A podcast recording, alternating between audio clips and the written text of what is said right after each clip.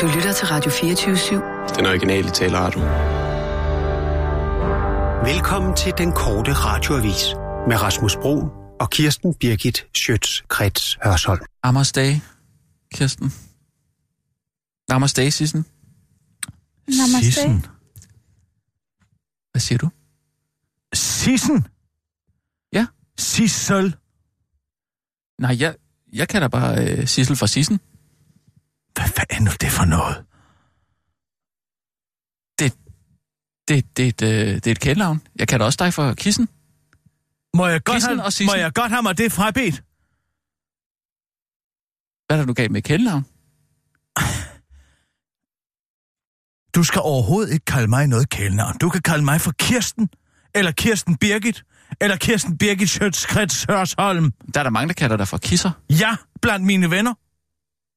Jamen, jeg tænkte, at vi kunne skabe et rum, hvor... Øh, Vi hvor skal ikke skabe nogen rum. Prøv at høre her, du er blevet ulidelig, efter du har taget det her ayahuasca. Så afklaret og irriterende. Du bliver nødt til at komme tilbage til den virkelige verden. Det, Hallo? Nets, KMD? Det kan også komme til at fylde for meget alt sammen. Nej, det kan det ikke. Hvad vil du... Nej, hvad, hvad skal erstatte det? Det er jo det, der er Jamen- de vigtige ting i samfundet. Jeg ved ikke rigtigt. Jeg synes, det, noget af det vigtigste er at forstå vores bevidsthed, altså hvad oh. den stammer fra, ikke? Altså, hvad, hvad, pff, man kan sige, at vi er jo på en eller anden måde er, er alle sammen resultatet af en tanke. som en idiot, der har oplevet Platons hulelignelse. Nå, men nu, altså, for eksempel, nu stod jeg i går og kiggede ud over øh, Damhussøen, Åh, oh, gud nej. og så stod jeg bare og kiggede på de her små krusninger, der er på, på vandoverfladen, ikke? Sådan de, uff, så vinden, der lige skaber sådan små, bitte, bitte bølger. Altså mikroskopiske, ej, ikke mikroskopiske, men altså centimeter store bølger. Sådan lige, blup, blup. At det er jo den vind, der kommer fra ja, ja, altså helt andre steder i verden, fra- Andesbjergene måske. Nu er du Kommer ind over. fatalist. Han, han er blevet fatalist. Sissel, han er blevet fatalist. Du bliver nødt til at kunne komme tilbage. Hvordan har du tænkt dig at udfylde en selvangivelse i den tilstand? Jamen, jeg udfylder da aldrig selvangivelse. Jeg må tale med en ekspert om det her. Jeg gider ikke tale med Henrik Rindum. Er en, der prøver... En, der... Så må vi ringe til Mik. Ser du en dig selv som en, en blyant i Guds hånd? Nej. Hvis det er en, og så en blyant. Jamen, er Gud, altså, hvad er det, for noget være- spartansk? Det behøver ikke at være Gud. Ja, altså, altså så er det der mindste en guldfyldt pind. Bevidstheden, ikke? Det behøver ikke at være Gud. Det siger jeg ikke. Sissel, Men- vi må ringe til Mik. Jamen nu? Ja, Hvem skal du ringe? Hvem, hvem skal du ringe til? til Michael. Nå, jamen, så, så går jeg lige ud en gang.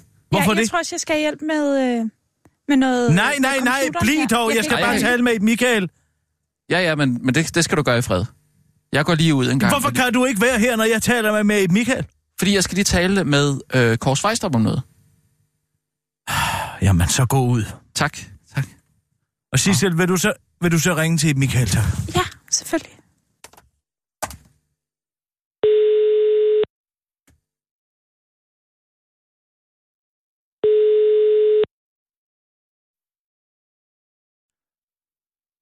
Ja, det er, det er Michael. Hej Mik, det er Kisser. Hej. Dag med dig. Forstyrrer jeg dig? Nej, ikke spor. Nej, Hva? nej. Er du oppe i Kikhavn?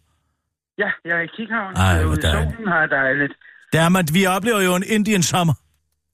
Ja, det er så skønt. Har du været i havet i dag? Også på tiden. Nej, men jeg er på vej. Jeg skal. Jeg skal ud. Ja. Pas nu på de fæsinger derude. Ja, Ikke? Jeg mig på en gang. Ja, det går altså frygtelig ondt, skal jeg hørt. Ja, det gør det. Det gør det virkelig. Nå. Jeg har brug for din Ja. hjælp. Ja, men øh, skyldes. Jeg har en kollega, der har øh, prøvet ayahuasca-jakke. Ja, Og jeg ved ikke, fordi jeg mærkede jo ikke noget, dengang vi tog det, du og jeg, over i Amazonas. det, det, det siger det jo. Det siger det jo. Nej, det er rigtigt. Men øh, kan man gøre et eller andet, for han er blevet så ulidelig afklaret omkring alting. Altså, kan man gøre et eller andet for at føre ham tilbage til virkeligheden? Hurtigere. Men ja, for, Jeg ved ikke, øh, om, øh, om det gør så meget. Altså, det kan godt være, det... Jeg tror ikke, han er blevet ført væk fra virkeligheden. Men hvad ved jeg om det? Ja, men altså, han står og siger, at han har stået og kigget ud over Damusøen og set grusninger, og de øh, vinde kommer jo fra Andesbjergen og alle. Han er blevet ulidelig fatalist og totalt afklaret omkring sin egen dødelighed og pis og papir, og vi sidder her og prøver at dække øh, netskandaler og KMD og øh, pamperi Socialdemokratiet og det ene og det andet. Det kan jeg jo ikke arbejde med. Okay, nej, nej, det forstår jeg godt. Altså, min egen erfaring, jeg har jo ikke andet, øh, er, at man faktisk bliver bedre rustet øh, på mange måder til virkeligheden. Jeg ved godt, at man forestiller sig, at man kan komme ud af det med en ordentlig gang tømmermænd og så videre. Men altså, det er rigtigt, at man kan få nogle flashbacks. Øh, Flashbacks. pludselig sådan, ja, altså pludselig så er man på igen, ikke? Selvom, øh, selvom det skulle være ude af kroppen, ikke? Så pludselig så får man sådan en flashback. Og det kan, det kan være ret overraskende for en. Jeg, Hvad, hvad, hvad, altså så midt i, du står nede i køen på kommunekontoret, så pludselig er du, så, så vikler ja. der sig en slange ud af munden på en funktionær. Ja, jo, men det er måske lige i overkant. Jeg, jeg, jeg har et meget godt eksempel på sådan et flashback. Ja. Det var, normalt, jeg har, jo, jeg har jo kun taget det ude i Amazonas, ikke? Ja. Og så, øh, så, så, så, når man så forlader junglen igen, og nu har man måske været derude og et par måneder hos sine venner der, og så har man prøvet ayahuasca-sessioner, og det har altid været skide inspirerende for mig, det må jeg indrømme. Sidder man i en eller anden bus på vej til en eller anden dum lille landsby, og så pludselig får jeg sådan en flashback. ja. Det er fuldstændig åndssvagt. Jeg ser ikke slanger, der kommer, eller noget som helst af det. Øh, nej, jeg, jeg ser, jeg sidder på en øh, lille, øh, lille kaffebar, og så åbner jeg en avis, og nede i det ene hjørne er der en notits. Så kommer jeg til den der landsby, øh, og jo, og så kommer, øh, og så i næste øjeblik, så kommer ham, der ejer kaffebaren hen til mig, han kender mig godt, og så siger han, øh, ved du hvad, jeg, øh, denne gang er det mig, der giver kaffen. Ja. Så kommer jeg til en lille landsby. Så står jeg ude af bussen. Så Ja. sætter jeg mig ind på kaffebar. Så åbner jeg avisen. Og nede i det højre hjørne, der er den notits, jeg allerede har set en gang. Og så kommer ejeren hen og siger, ved du hvad, du, jeg tror, jeg giver den næste kop kaffe. Så værsgo, sætter han en kop foran mig. Så du Hvordan oplever i, i blink at kunne se ind i fremtiden? Ja, i et blink, ja. I et blink op. Så, så det er derfor, jeg er nødt til, altså på, og det, det, det trøster dig sikkert ikke, men Nej. jeg er altså nødt til at stille øh, lidt spørgsmålstegn ved, hvad er virkeligheden? Hvad er det for en virkelighed, vi går oh. og oplever, ikke? Ja, men altså, jeg kan høre, du er ikke engang landet i virkeligheden endnu. Ja, vi synes faktisk, det går meget godt. Jamen altså, hvordan, men- hvordan i alverden klarer du en almindelig telefonopringning til skattevæsenet, hvis man tror, at alting hænger sammen, og vi alle sammen er i den samme bevidsthed, og ditten og datten? Nå, men altså, det sætter jeg min, øh, det sætter jeg min dejlige kone til at gøre for mig. Og- Ja, det er jeg virkelig ret Så det-. Det Men liv ved har du trukket dig fra. Fuldstændig det praktiske Ja. liv. Men det, det, det, det, det, det var jeg også før ayahuasca. Det er ikke nogen efter ayahuasca-ting. Sådan har det altid været for mig. Jeg har aldrig kunne finde ud af det der med myndigheder og tal. Jeg er talblind, og jeg farer lidt vild i den byråkratiske jungle der. Den, jeg klarer mig meget bedre i Amazon-junglen, end jeg klarer mig i den byråkratiske jungle, må jeg sige. Men jeg tror, at du skal tage det roligt med Rasmus. Altså, og, og det er da fint, at han synes, at vinden kommer fra Andesbjergene. Altså, det er da en lille udvidelse af virkeligheden, ikke? Ja, men du kan sgu da godt høre, hvis man skal i gang med at lave et kritisk interview med en eller anden øh, magthaver, og man så pludselig øh, kører ud af en tangent om, hvor vinden øh, lander i Damusøen fra. Ja, det, jeg kan... Jeg, jeg Du kan godt høre det, ikke? Ja, jeg forstår din bekymring. Men gennemgå det, og det er, det er faktisk også, hvad de fortæller derude om ayahuasca, ikke? Oplevelsen gør dig bedre rustet til virkeligheden. Øh, og man får en eller anden mærkelig klarhed oven på sådan en, en session, ikke? Ja, men hvorfor skal Altså, den partout være så irriterende at høre på? Den klarhed. Jo, men altså, jeg skulle jo... En af de vi- vigtigste sessions, jeg har prøvet, foregik langt ude i junglen i en hule. Jeg var nær aldrig kommet derud med livet i behold. Det var virkelig en farlig vandring gennem junglen. Og jeg var meget bekymret over, at jeg skulle hjem igen. Det kan jeg jo sådan virkelig huske. Og så om natten, øh, så tog vi ayahuasca. Og øh, jeg vågnede den næste dag. Jeg havde næsten ikke, jeg havde ikke lukket et øje. Jeg havde, og så skulle vi altså til at, at gå tilbage igen. Øh, Og så kunne jeg pludselig alt det, jeg ikke havde kunnet før. Altså balancere hen ad træstammer, der lå ud over slugter. Det er jo altså virkelighed. Der er jo ikke noget fik om det ikke i det. Det er jo virkelighed. Det var et spørgsmål om, at jeg var simpelthen blevet bedre til at bevæge mig i den jungle, fordi jeg havde ligesom lært den at kende indenfra. Ja, men nu taler vi jo ikke om, at Rasmus han skal være en eller anden jungle... Øh, na, en, en Comaneci, vel? Altså, han skal være journalist, som kan stille kritiske Ja. spørgsmål. Det har han i hvert fald ikke lært af det. Det kan jeg godt love dig for. Nej, nej, nej, nej, men uh, rolig nu, ikke? Fordi uh, giv ham lidt tid, ikke? Lad det lige dampe lidt af, ikke? Og uh, så tror jeg, at du vil finde ud af, at uh, det kan han godt administrere. Uh, ja, Hvad med en masse varm, hvad, hvad stærk kaffe, øh, en ordentlig druktur, en, øh, et slag i hovedet med en stor hammer? altså, skal det være en gummihammer, ikke? En telthammer, ja. Okay, jeg noterer. Ikke? En, en, en, en, lille, en, lille, en lille, et lille forsigtigt slag med en gummihammer, ikke? Okay. Uh, ja. der, der, der, er jo, der er jo et godt psykologtrik. Ja, øh, når, man kommer, når man kommer med en eller anden psykisk lidelse til nogle psykologer, så, øh, og man har forklaret længe, hvad det handler om, ikke? Og, og hvor skidt man har og sådan noget, så læner, kan han finde på at læne sig frem over skrivebordet, og så siger han bare, stop it. stop Så får man et lille chok, og så stopper det. Og det kan du prøve at lege psykolog, Ja, hvis du er stop it. for at stop it, ikke? Ja, okay. Stop, ikke? Jamen, den vil, jeg, den vil jeg prøve. Indtil videre har jeg sagt, rip det. Kender du det? ja. Det er noget, de unge siger. Rip. Altså, uh, rest in peace, tror de jo, det betyder, men det er jo i virkeligheden latin, ikke? Uh, men Ja, det siger de unge i skolegården, så siger de, rip det. En patchem, eller sådan Ja, noget. hva'? præcis. Nå, jeg prøver at sige stop it. Må vi se. Ellers så prøver jeg det med telthammeren. Ja, prøv, altså, øh, forsigtigt. Øh, Ja, ja, ja, ja, ja, ja. ikke? Ja, det er godt. Tak skal du have, Mik. Jamen, det var så lidt. Det var så lidt, Kirsten. Ja, godt. Ha' det godt. God svømmetur. Godt. Ja, tak skal du have. Ej.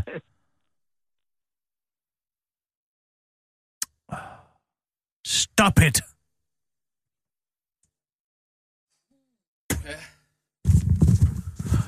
Huh.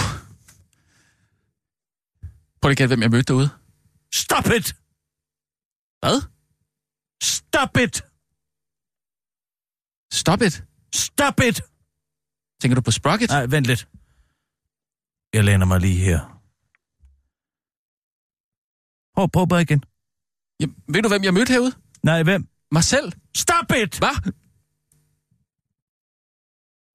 Åh. Oh. Skal vi se at komme i gang? Halleluja! Vi tager nogle nyheder, Sissel. Ja. Nu? Ja, Ja. tak. Ja. Nej, nej, vent. Og nu. Stop. Vent Nej. lige lidt. Hvad nu? Sig det. Stop it! Nej, Hvad? sig det andet. Hvilket? Det du så gerne altid vil sige. Jeg er klar, parat, skarp. Sådan! Skal jeg sætte den på nu? Jeg kører. Jeg fortæller bagefter om en, jeg mødte herude. 7 Studio i København. Her er den korte radiovis med Kirsten Birgit Schøtzgrads Hasholm. Lykke er ikke stolt af nogen Mohammed-tegninger overhovedet, og heller ikke af kors i urin. Men fedt, at vi må.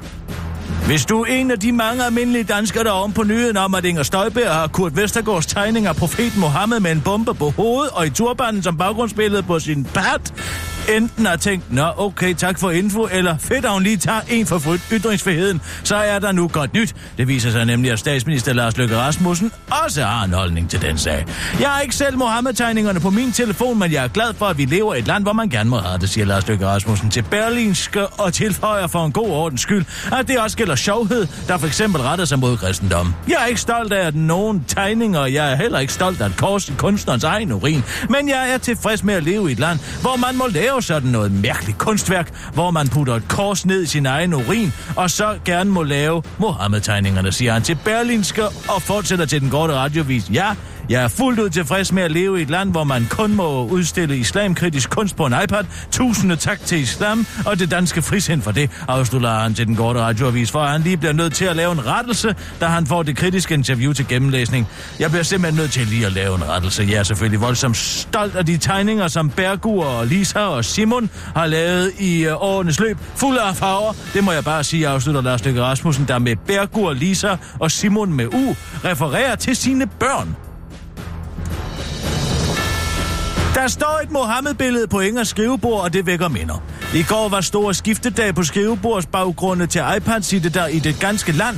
Inger Støjberg startede trenden med at dele, hvad hun har valgt som baggrund, og det spredte sig blandt andet øh, til øh, Anime Alderslev, der delte et billede af en flygtning, øh, af flygtningen Wasim og hans øh, familie på sin iPad. Billedet er fra den dag, hvor Wasim, der flygtede ved- til Danmark, blev genforenet med sin familie. Jeg glemmer aldrig den glæde og taknemmelighed, der strålede fra Wasim og familien i den, øh, den dag, skriver hun på Facebook. Der er dog tvivl om, hun overhovedet var til stede den dag, man lader nu det ligge. Det er et dejligt billede. Særligt hvis hun havde flyttet appen Kontakter, der fylder hele Wasims hoved, og de to K'er, der giver den lille søde datter Hitler overskæg. Hos øh, Apple Danmark oplevede de i går abnorm stor aktivitet i udskiftning af skrivebordsbaggrund skrivebordsbaggrunde. Efter tirsdag 9.57 eksploderede antallet af baggrunde på iPads i Danmark, men det stillede lige så stille af, og nu er de fleste skiftet tilbage til den gamle igen, efter at de er blevet delt på de sociale medier. I må ikke spørge, hvorfor vi ved det så detaljeret. Det ved vi bare, siger Apples direktør Tim Cook til den korte radioavis. Selvom Inger har fået meget had for sin baggrund, så har hun en ven i nøden, og det er dam, dam, dam, Dansk Folkepartis S. Espersen.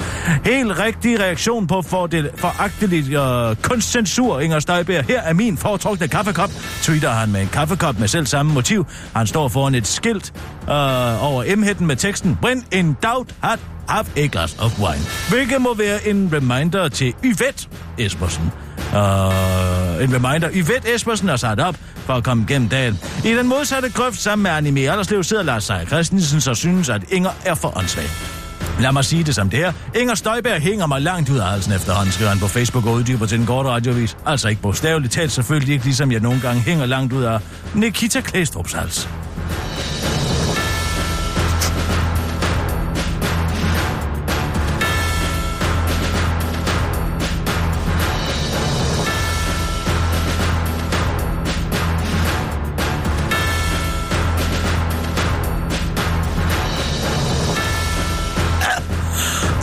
Uha! Ja, der fik jeg altså tusind, i altså, det skal jeg beklage.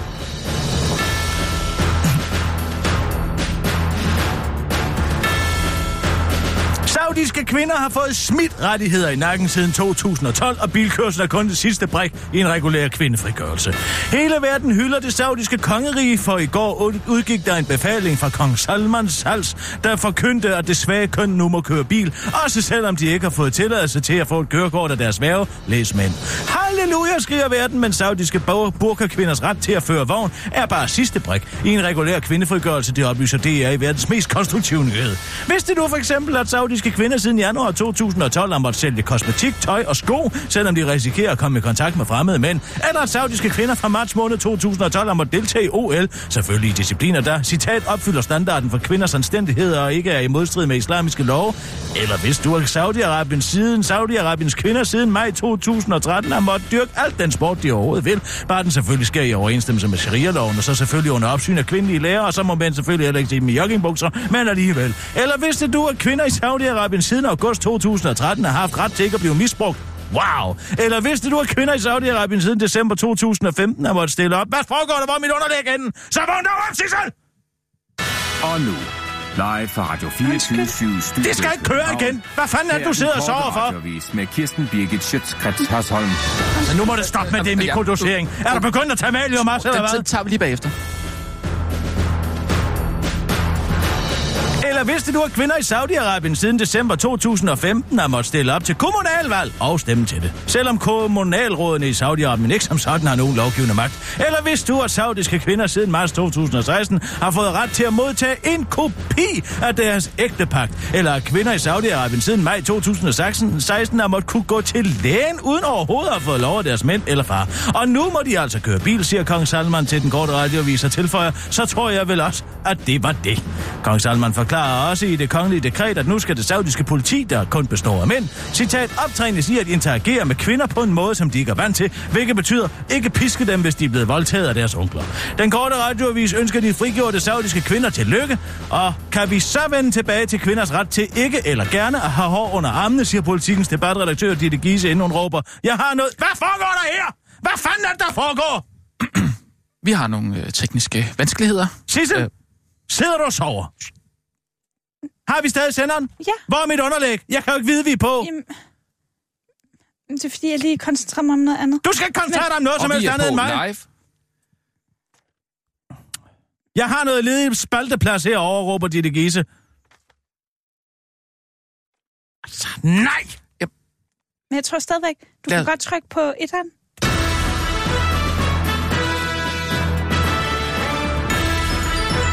Lad, lad, os, lad os lige komme ud af det på en god måde.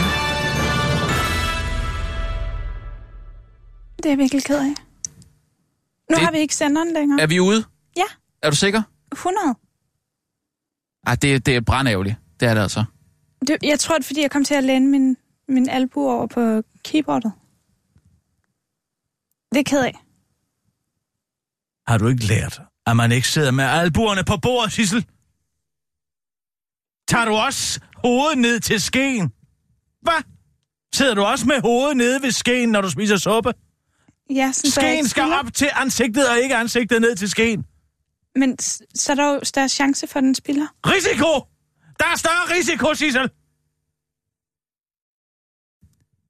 Undskyld. Det er jo netop det, der er pointen. At man ikke er glupsk og fylder sig for meget på sin ske. Så man må kun fylde en halv ske. Ja! Og så spiser man suppen i et stadig tempo. Ja. Det er jeg ked af. Jeg skulle lige til at fortælle en historie om noget, jeg har oplevet. Stop Det it! Fuldstændig. Stop it! Ja. Tror ikke, jeg har nok at gøre. Hvad? Ja, øh, Jeg bliver kimet ned af Lone Kühlmann og af Dorte Toft og slået i hardcore med Josefine Kofod, der er siddet inde med Kata Pavani og gjort et eller andet dit og dat, og hvad fanden jeg arbejder for sådan en organisation, og det ene og det andet. Og jeg, jeg har ikke mentalt overskud til at blive slået i hardcore med Simon Andersen. Jeg har sagt til dem masser af gange, at jeg har fornægtet Simon Andersen for lang tid siden. Bare fordi jeg tilfældigvis sidder og læser nyheder op på samme kanal, hvor han har sit diktatur kørende. Hvorfor skal du stå på, øh, på mål Det er også det, jeg har sagt. Ja. Men jeg bliver ved med at få. Jamen, jeg bliver ved med at få. Her, se her. Hvad fanden bilder du dig ind, Kirsten Birgit? Hør om morgenen. Hvad fanden er det for noget svineri? Det var et interview, Jo- Josefine Kofod lavede i går med... Øh, Ja, hvor et eller andet med... Jeg blev nødt til at høre det, hvor Markus Knud og øh, øh, hvad, Nasser og Martin Henriksen har beskyldt hende for at have betalt kontingent til øh, Hisbutaria for 15 år siden. Jeg har sagt, jeg har ikke noget med det at gøre. Ah, det kan man jo sige, at vi har jo øh, Og indirekte noget med det, med, med det at gøre. Det er jo vores kanal. Det har da ikke noget alle... med mig at gøre. Nå, nej, men altså på den måde er, er vi jo alle sammen en del af... Nu kommer der en til. Vi er jo alle sammen Det er en del af, Dorte Toft. vi er jo alle sammen en del af 24 Jeg så er på den måde, så, alvorligt bekymret for de demokratiske rettigheder i det her land, når man vender skytset mod Katapavani og ikke magthaverne. Ja, det er jeg da enig i. Jamen, nu skal du ikke øh, smide en af, af, vores kollegaer under bussen. i. Jeg ville også have gjort følgende. Forholdt Kirsten. Katapavanis kritikken og dernæst ringet til magthaverne, men det er jo ikke mig, der har lavet det interview, Dorte. Kirsten, jeg synes, det er vigtigt, at vi ikke smider vores kollegaer ind under bussen. Altså, vi tager den... Vi må tage den kritik internt. Nej, men du arbejder der samme sted. Altså, Ja, jeg er hvorfor... meget enig. Vi arbejder samme sted. Ja, jeg er, ja, jeg er, ja, ja, ja, ja, ja, jeg arbejder samme sted, men hvad har det med det at gøre? Altså, du kan da læse de første 10.000 kommentarer, hvor jeg siger, at Simon Andersen er et pjok, og der er dårlige journalister alle vegne. Ah, Prøv lige at bakke din kollega op en gang, Kirsten. Hold altså, kæft, hvor er hun hurtig. Altså, sidder hun og, de, sidder hun og indtaler dem? Nej, men Kirsten- Sidder du og indtaler Kirsten, dine sms'er, Dorte? Kirsten, du må smide tilrettelæggeren ind under bussen i stedet for. Du kan ikke... Hvem er det? Sofie Ry, Ah, det er du må smide hende under bussen så, fordi det, det, du har... Ry. Nej, ikke også. Sig det hende. og der ikke har Ja, du, tænkt sig om. Josefine Kofod sidder og bare og læser op. Hun får en, en masse spørgsmål. Ej, altså helt ærligt. Godt nok hurtigt. Nej, det er for Lone Kylmand. Hvad mener du om den? Jamen, altså, hvad mener jeg? Hvad mener jeg om den sag? Du ved da... Ej. Du ved da udmærket godt, hvad jeg mener. At der sidder en tilrettelægger. Grimme kælling. Ja. Nej, det skriver jeg ikke. Det skal jeg nok lade være med at skrive. Du er bare sur. Jeg er bare sur, fordi du aldrig må være Lucia-brud. Jeg kan jo ikke gøre for, du ser ud, som du gør. Se. Det er jo ikke noget, der, der er særlig opbyggende, det her. Vi kan jo ikke sidde, Kirsten, på en... Hvad sk- Du ved udmærket godt, hvorfor jeg ikke må være så sige. Det har ikke... Ej. Hvorfor? Det har ikke noget som helst med det at gøre. Med hvad? Ja, hvad rager det dig? Jamen, ikke noget, jeg spørger, bare stille og roligt. Ej, de to kællinger, de har simpelthen rottet sig sammen mod mig. Hvad, hvorfor skal jeg stå til ansvar for det her? Fordi... Jeg har nok at gøre med at fælde Mogens Jensen, som også er fræk ja. over for mig. Men skal vi ikke lige blive enige om, at Josefine Kofod er en af de dygtigste journalister, vi overhovedet har i det her land? Og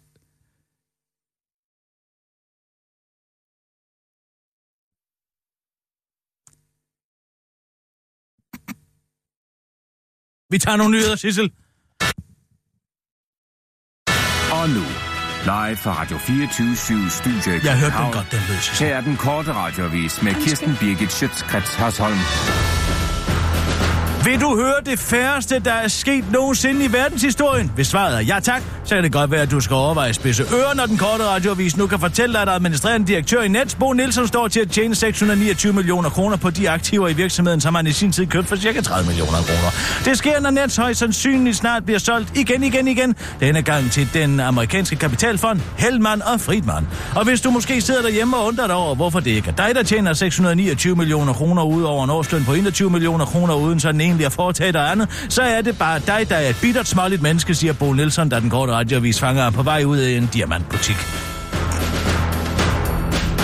Var det måske dig, der fik værdien af Nets til at stige med 13 millioner kroner på bare et år, dengang Nets lige skulle et smut på børsen for at se, hvad der skete der eller hvad? Og hvor var du, da Nets værdi steg med 2 milliarder yderligere, mens jeg sad i direktørstolen og filede negle med en stødtand? Det skal jeg sige dig. Du sad i din sofa, siger Bo Nielsen til den korte radioavis og fortsætter. Og er det måske dig, der kan smukkesere Nets så meget, at vi om et par år kan sælge det for det dobbelte? Nej. Eller skulle jeg måske lige sige Nets? Det tror jeg faktisk ikke, det er. Afslutter Bo Nielsen til den korte radioavis. Og så er der godt nyt til dig, der savner en at dyrke sex med, og som ikke har noget krav om, at det partout skal være et menneske.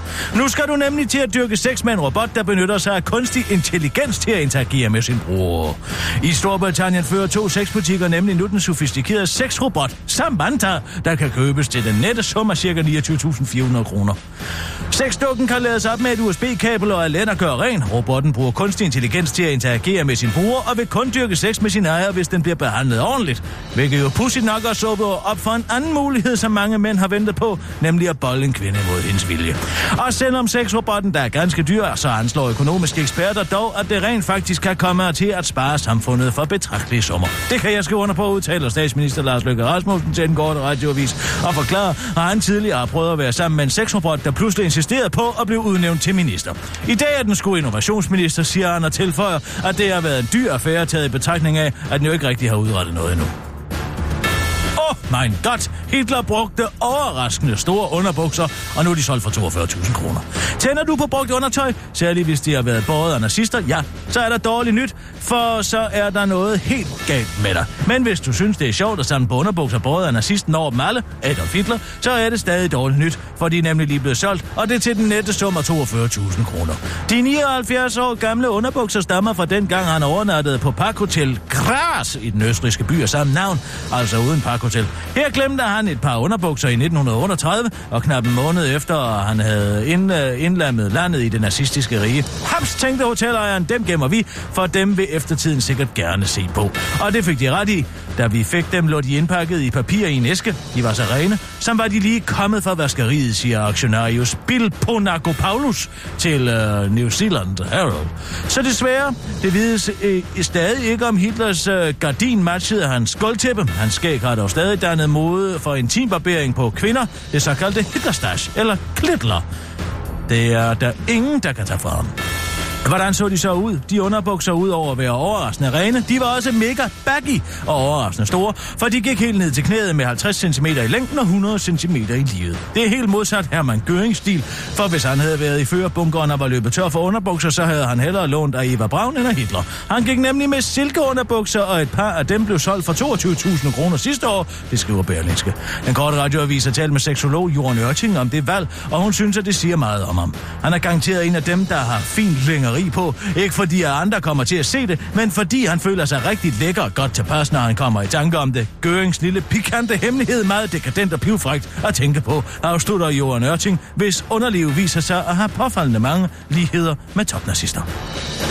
Ekstrabladet bringer verdens mest ligegyldige anmeldelse. Hvad synes Ekstrabladets Henrik Kvitsmund om andet afsnit af fjerde sæson af serien Rita? Er et af den slags spørgsmål, som tusindvis af mennesker har spurgt sig selv om, men heldigvis kom svaret i forgårs i netop Ekstrabladet. Den korte radiovis bringer her anmeldelsen, og du må selv vurdere, om du forstår en skid af, hvad fanden man fabler om. Så blev det endelig tid til at møde Ritas far i mere end et glimt, og han viste sig virkelig at være en paranoid, ynkelig karl, som lod al sin vrede gå ud over konen, og øh, vrede over, at konen var skrevet, gå ud over sin stakkels teenage og dermed fik skabt en solid grobund for et par gevaldige traumer. Livsmantraet har lige siden lyt, jeg gider ikke desværre, men overfladesvømningens edle kunst har det som bekendt med udelukkende at bevæge sig i mindre og mindre cirkler, og så er man jo lige vidt. Heldigvis stod Leas familie klar med at tage imod det skadede barn med åbne arme, men det ved vi jo allerede ikke for nogen lykkelig slutning, i hvert fald ikke i første ombæring. Bagnegårdsskolen kæmper med alle midler, inklusive et vikingemarked for sin overlevelse og dermed sammenholdet i flækken Lunds men det tog er vist kørt for længst. Heller ikke her spiller politikerne med åbne kort. Rita fungerer klart bedst, når der er noget på spil, og man lader humoren skinne igennem på den let underforståede måde. Derfor forekommer det også mere og mere som en misforståelse, at man ikke lod Jørdis og Uffe blive hjemme, da Rita flyttede. Sådan skriver Henrik Quiz og slår fast, at han kun skriver sine anmeldelser til mennesker, der rent faktisk har set det, han anmelder, selvom det jo ikke rigtig så giver nogen mening, fordi de mennesker så bare selv kunne vurdere, om de kunne lide andet afsnit af fjerde sæson af Rita, men sådan er det bare. Det var den korte radioavis med Kirsten Birgit Schøtz. Skat! Og sådan.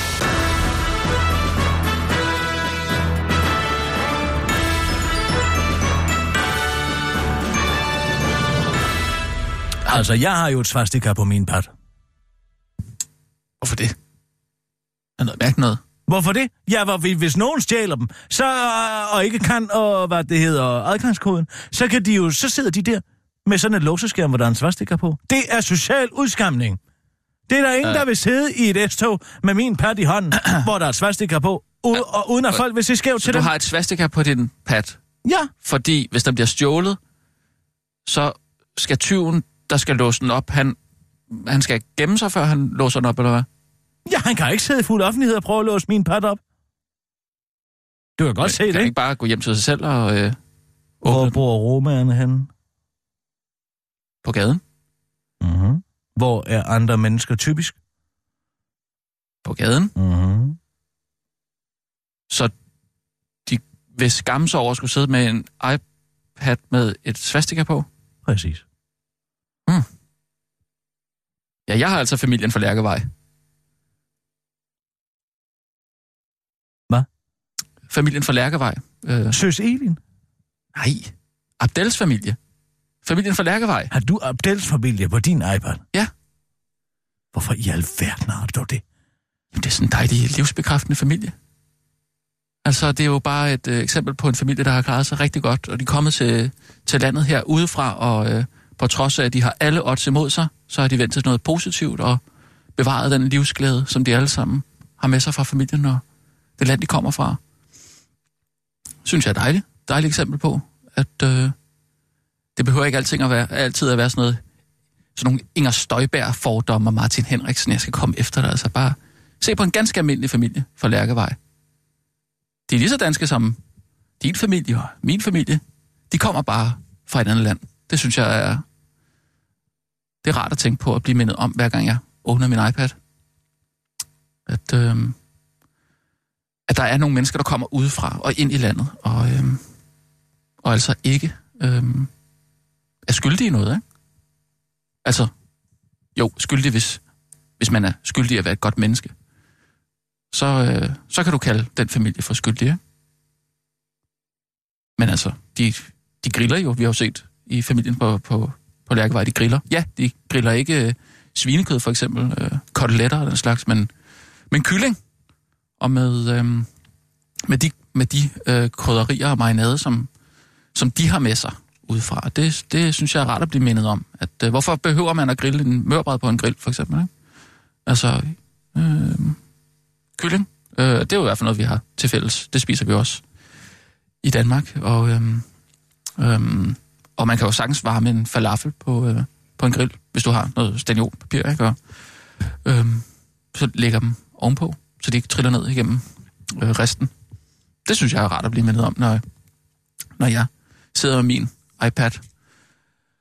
Og så synes jeg også bare, at Abdel er en, en, en, øh, skide dygtig journalist. Ja, altså.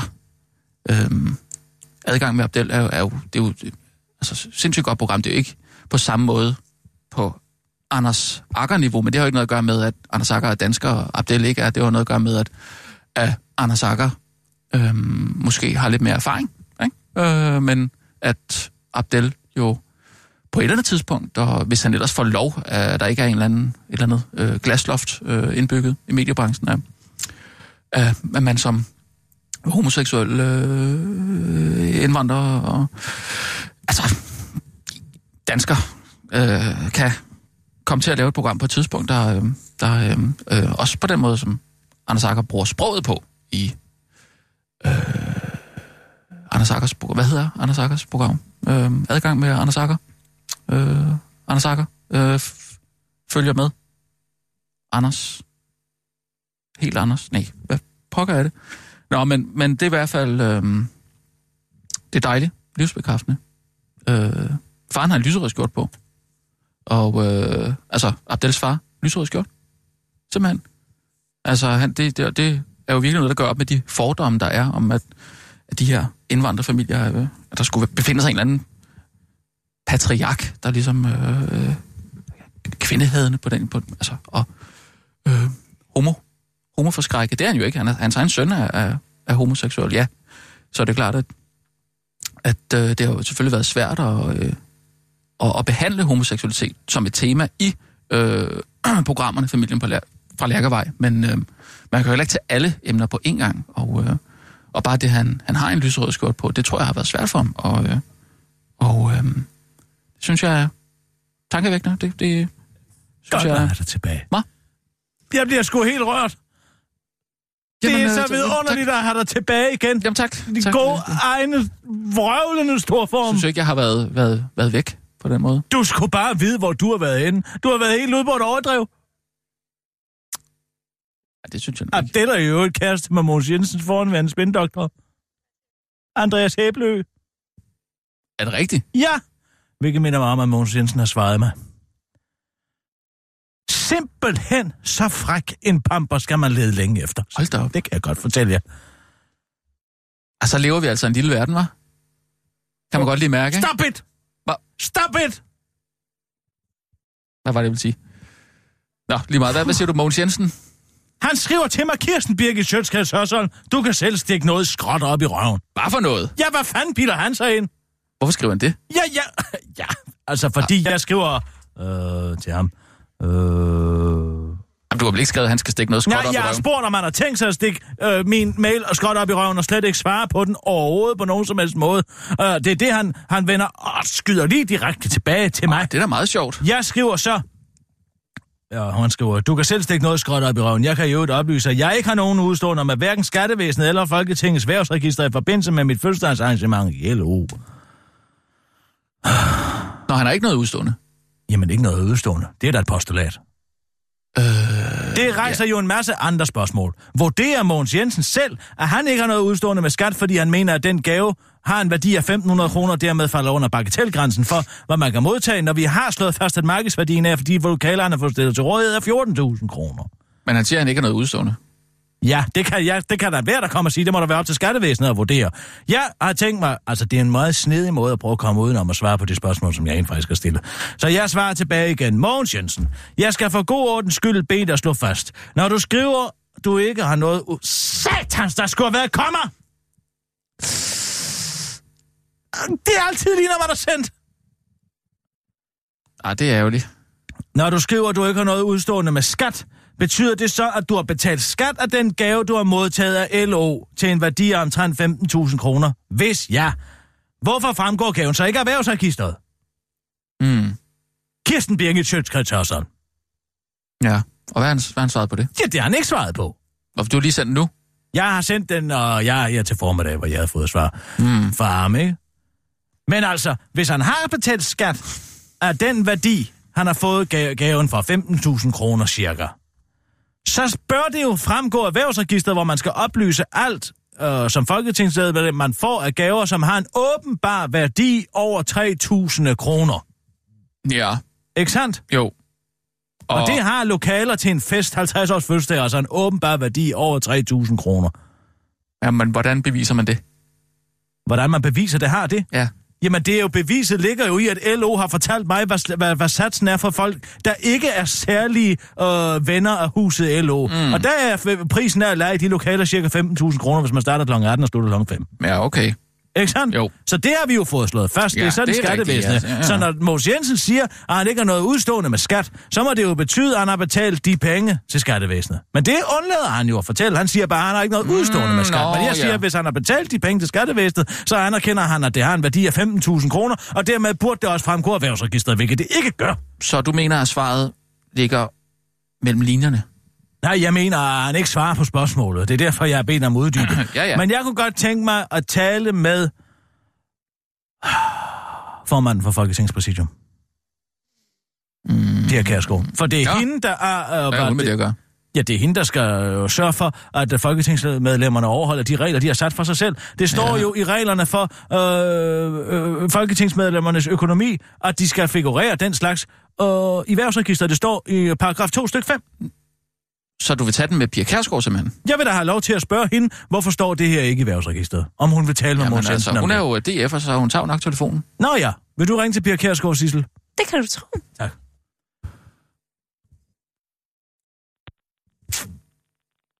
Der var et eller andet, jeg skulle fortælle.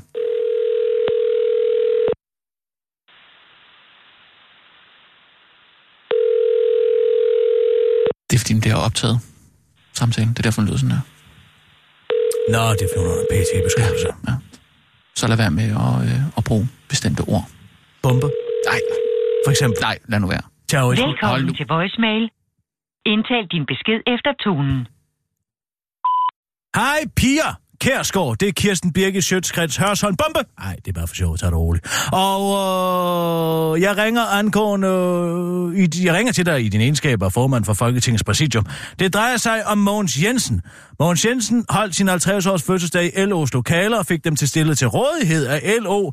En værdi, der øh, er markedsansat til, øh, fastsat til 15.000 kroner af LO selv. Dem har han modtaget. LO siger det for, for at det havde en værdi af 1.500 kroner, men øh, jeg har talt med en skatteekspert, som siger, at altså, den har en åbenlys værdi på 15.000 kroner. Jeg kan ikke finde det i Folketingets værvsregister. Der står jo i paragraf 2 styk 5, at alle gaver folketingsmedlemmer modtager, som har en åbenbar værdi, der overstiger 3.000 kroner, skal nedfældes i det pågældende medlems værvsregister og økonomiske interesser.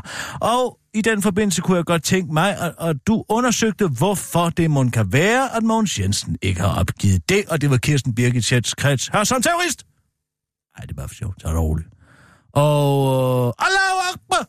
Nej. Du kan skrive tilbage til mig på den korte radiovis, nabelag og radio247.dk. Ej, jeg tror ikke, jeg behøver at stave det for dig, hva'? Ah, for en sikkerheds skyld. D-E-N-K-O-R-T-E-R-A-D-I-O-A-V-I-S, nabelag R-A-D-I-O-2-4-S-Y-V.dk. Du var jo kun dagplejemor. Eller hvad var det, du var? Dagplejemor. Dagpleje... Øh, hjemmehjælp? Hjemmehjælper, det er sådan, det er, ja. Men nu er det i hvert fald stadig for dig. Du kan bare ringe tilbage, øh, skriv en mail. Og Kirsten Birke Sjøtskreds også. Farvel. Godt mig ud, Sille. Så er du ude. Ah, hvem er næstformænd i Folketingets præsidium? Det er jo sådan, at de bliver valgt hvert år, og så er det de fire næststørste partier, ud over dem, som har formandsposten, som er Dansk Folkeparti, der har et medlem, det vil sige Socialdemokratiet, Venstre, Enhedslisten og Liberal Alliance. I nævnt rækkefølge, så vidt jeg lige kan hamme på, Sissel. Lad os stryge Henrik Dam, som er første næstformand for Socialdemokratiet, fordi han er socialdemokrat. Og lad os stryge Kirsten Pil Lorentzen, fordi vi har været sådan efter ham. Og så lad os gå direkte til enhedslistens medlem. Hvem er det? Christian Juhl? Ah, lad os tage ham. Ja. Mm, tredje næstformand. Skal man sige det, eller er det en fornærmelse? Hmm. Goddag, her tredje næstformand. Det er jo også øh, enhedslisten. Det er nok bare sådan, hej. Hej du. Ja, det tror jeg. Hej med dig. hej. Hej med dig. Hej kammerat. Den er god. Jeg bruger Jussi. Hej med dig, kammerat. Nummer, du ringer til, er optaget. Ja, det er Christian Juhl. Hvis du vil have fat i mig, er det aller, allerbedst at sende en sms. Nå, Du send en sms så. Nå, jeg sender en sms til ham. Så ring til, øh, hvem er Liberal Alliances medlem? Det er Leif Mikkelsen. Så ring til Lars Mikkelsen. Måske du lige skal kortes ud. Jeg cutter mig selv ud. Nej, vil du ikke gøre det, Sissel? Jo. Men altså, jeg tror, den har. Den er i gang med Ja, fint, fint, fint. Hej med dig, kammerat. Jeg ringer til øh, den fjerde næstformand. Det er Kirsten Birgit. Det, det, åh, det er ligegyldigt. Cut mig ud, Sissel. Så er du ude. Og så ring til øh, Leif Mikkelsen. Ja, vi gider ikke tale med hinanden. Det kunne da også være sjovt. Det er så troende. Altså, tænk, at man gider at finde en religion, fordi man har været med i en tv-serie. Hvor er hvor skal man blive mere Ja, det er, jo bare, er patetisk? det bare en, en, en rolle, han spiller? Jamen, han siger, at han er blevet troende af at spille præst. Nej, er det Jo. rigtigt? Åh, oh, godt han ikke spiller pædofil, så.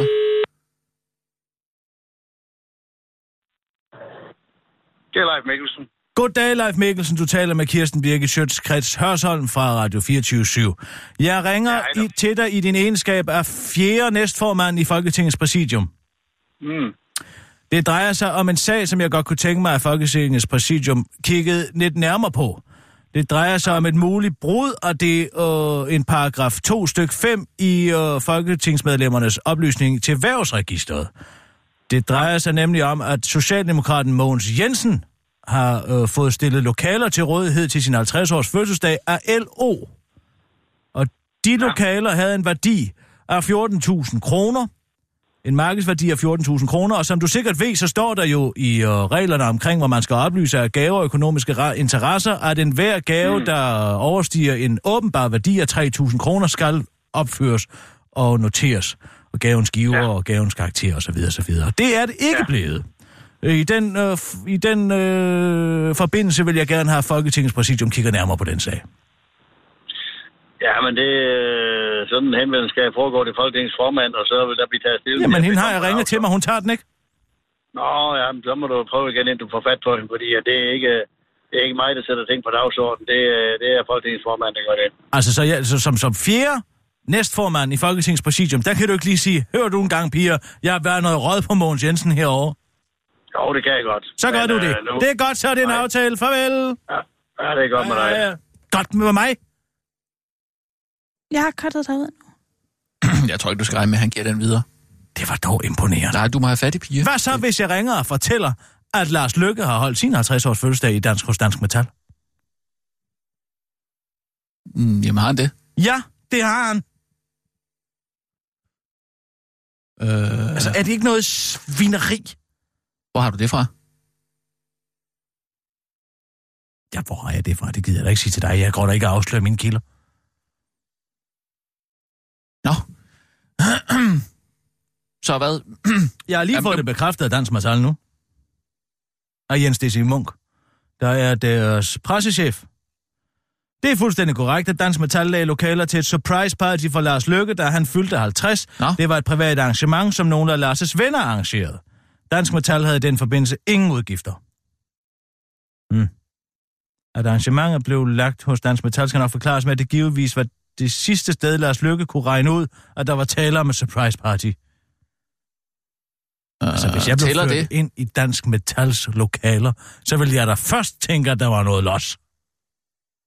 Ja, men det ved jeg ikke. Øh, som Vi statsminister... der afholder normalt ikke private fester, men vi får ekstraordinære henvendelser, som i dette tilfælde, fra landets oppositionsleder.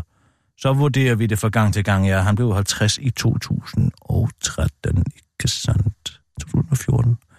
Han er født i 2... Hvor er det? Han er født i 28, 67. Han er født i 67, ikke? Han er ikke Lars Lykke. Det ved jeg. Skal jeg google det?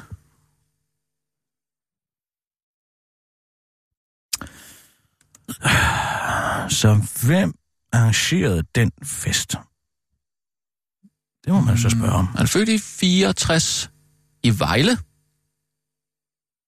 Jamen, så var det der i 2014. Han er 53 år.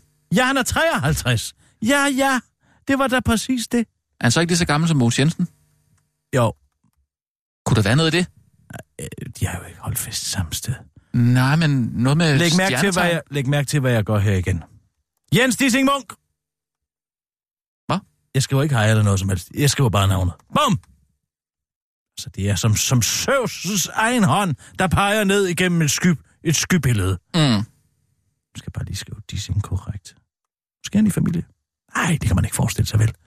At en af Dissings børn bliver øh, pressechef hos øh, Dansk Metal? Nej, vel? Nej, nej, ikke rigtigt. Hvem arrangerede festen? Det var vel partiet? Og betalte de for leje af lokaler? Spørgsmålstegn. Er det sådan, det skal forstås, når du skriver at dansk metal? Komma foran at. Skal jeg sige komma også, når jeg skriver det? Nå, det var bare, hvis du havde glemt det. Er det sådan, det skal forstås, komma, når du skriver? Og du havde det ikke med? Jo.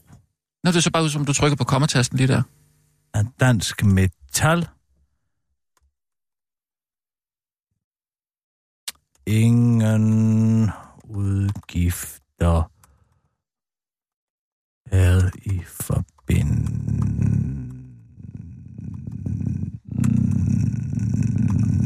Det kan ikke, jeg rammer B. Jeg rammer simpelthen B i stedet for en bindelse med arrangement. Ja. Birgit Sjøskreds Hørsholm.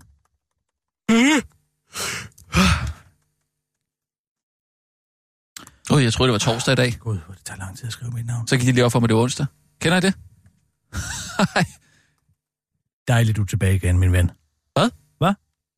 Jamen, kender I det? Ja, jeg Når kender man det. tror, det er, Jeg det er det nogle torsdag, så er det onsdag. Jeg har så man engang, lige, ah, det er så lidt en ærgerlig følelse, ikke? kørt på en helt forkert kalender et helt år. Hvad? Ja, så hver eneste gang, jeg troede, at torsdagen faldt den 21. eller så det eller andet, så viser det, at den faldt den 22. Jo, Hvor lang tid kørte du på, på den måde? Et helt år. Et helt år? Ja, det var Torkel Thyring, der gjorde mig opmærksom på det.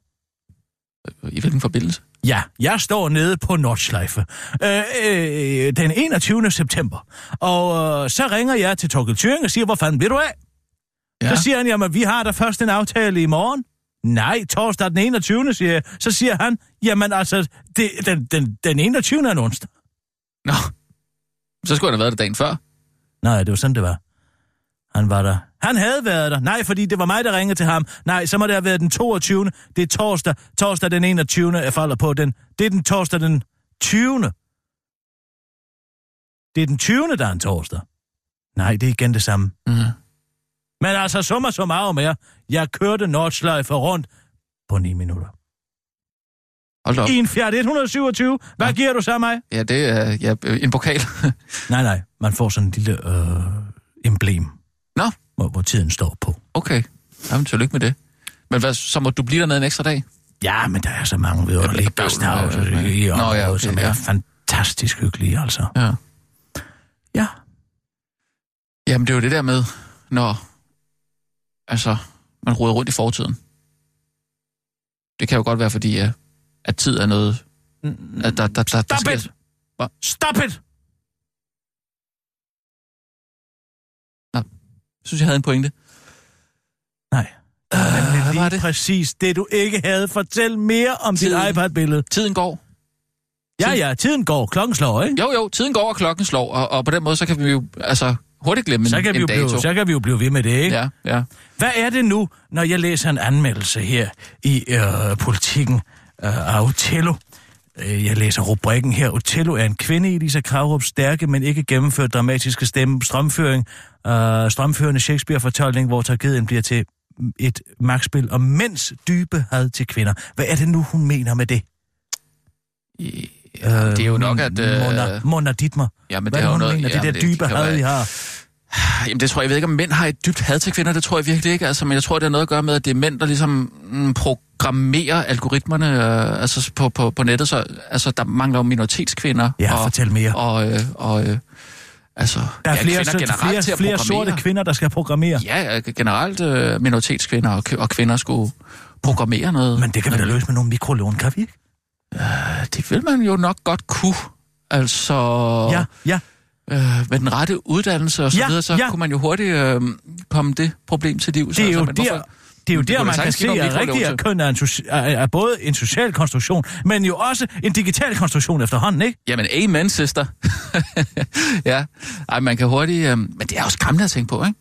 Ja, på en eller anden ja. måde. Jamen, altså, tænk så, at, at, at vi sådan på den måde lever sådan patriarkalsk, øh, altså struktureret, algoritmisk samfund, som det giver simpelthen ikke noget... sådan der!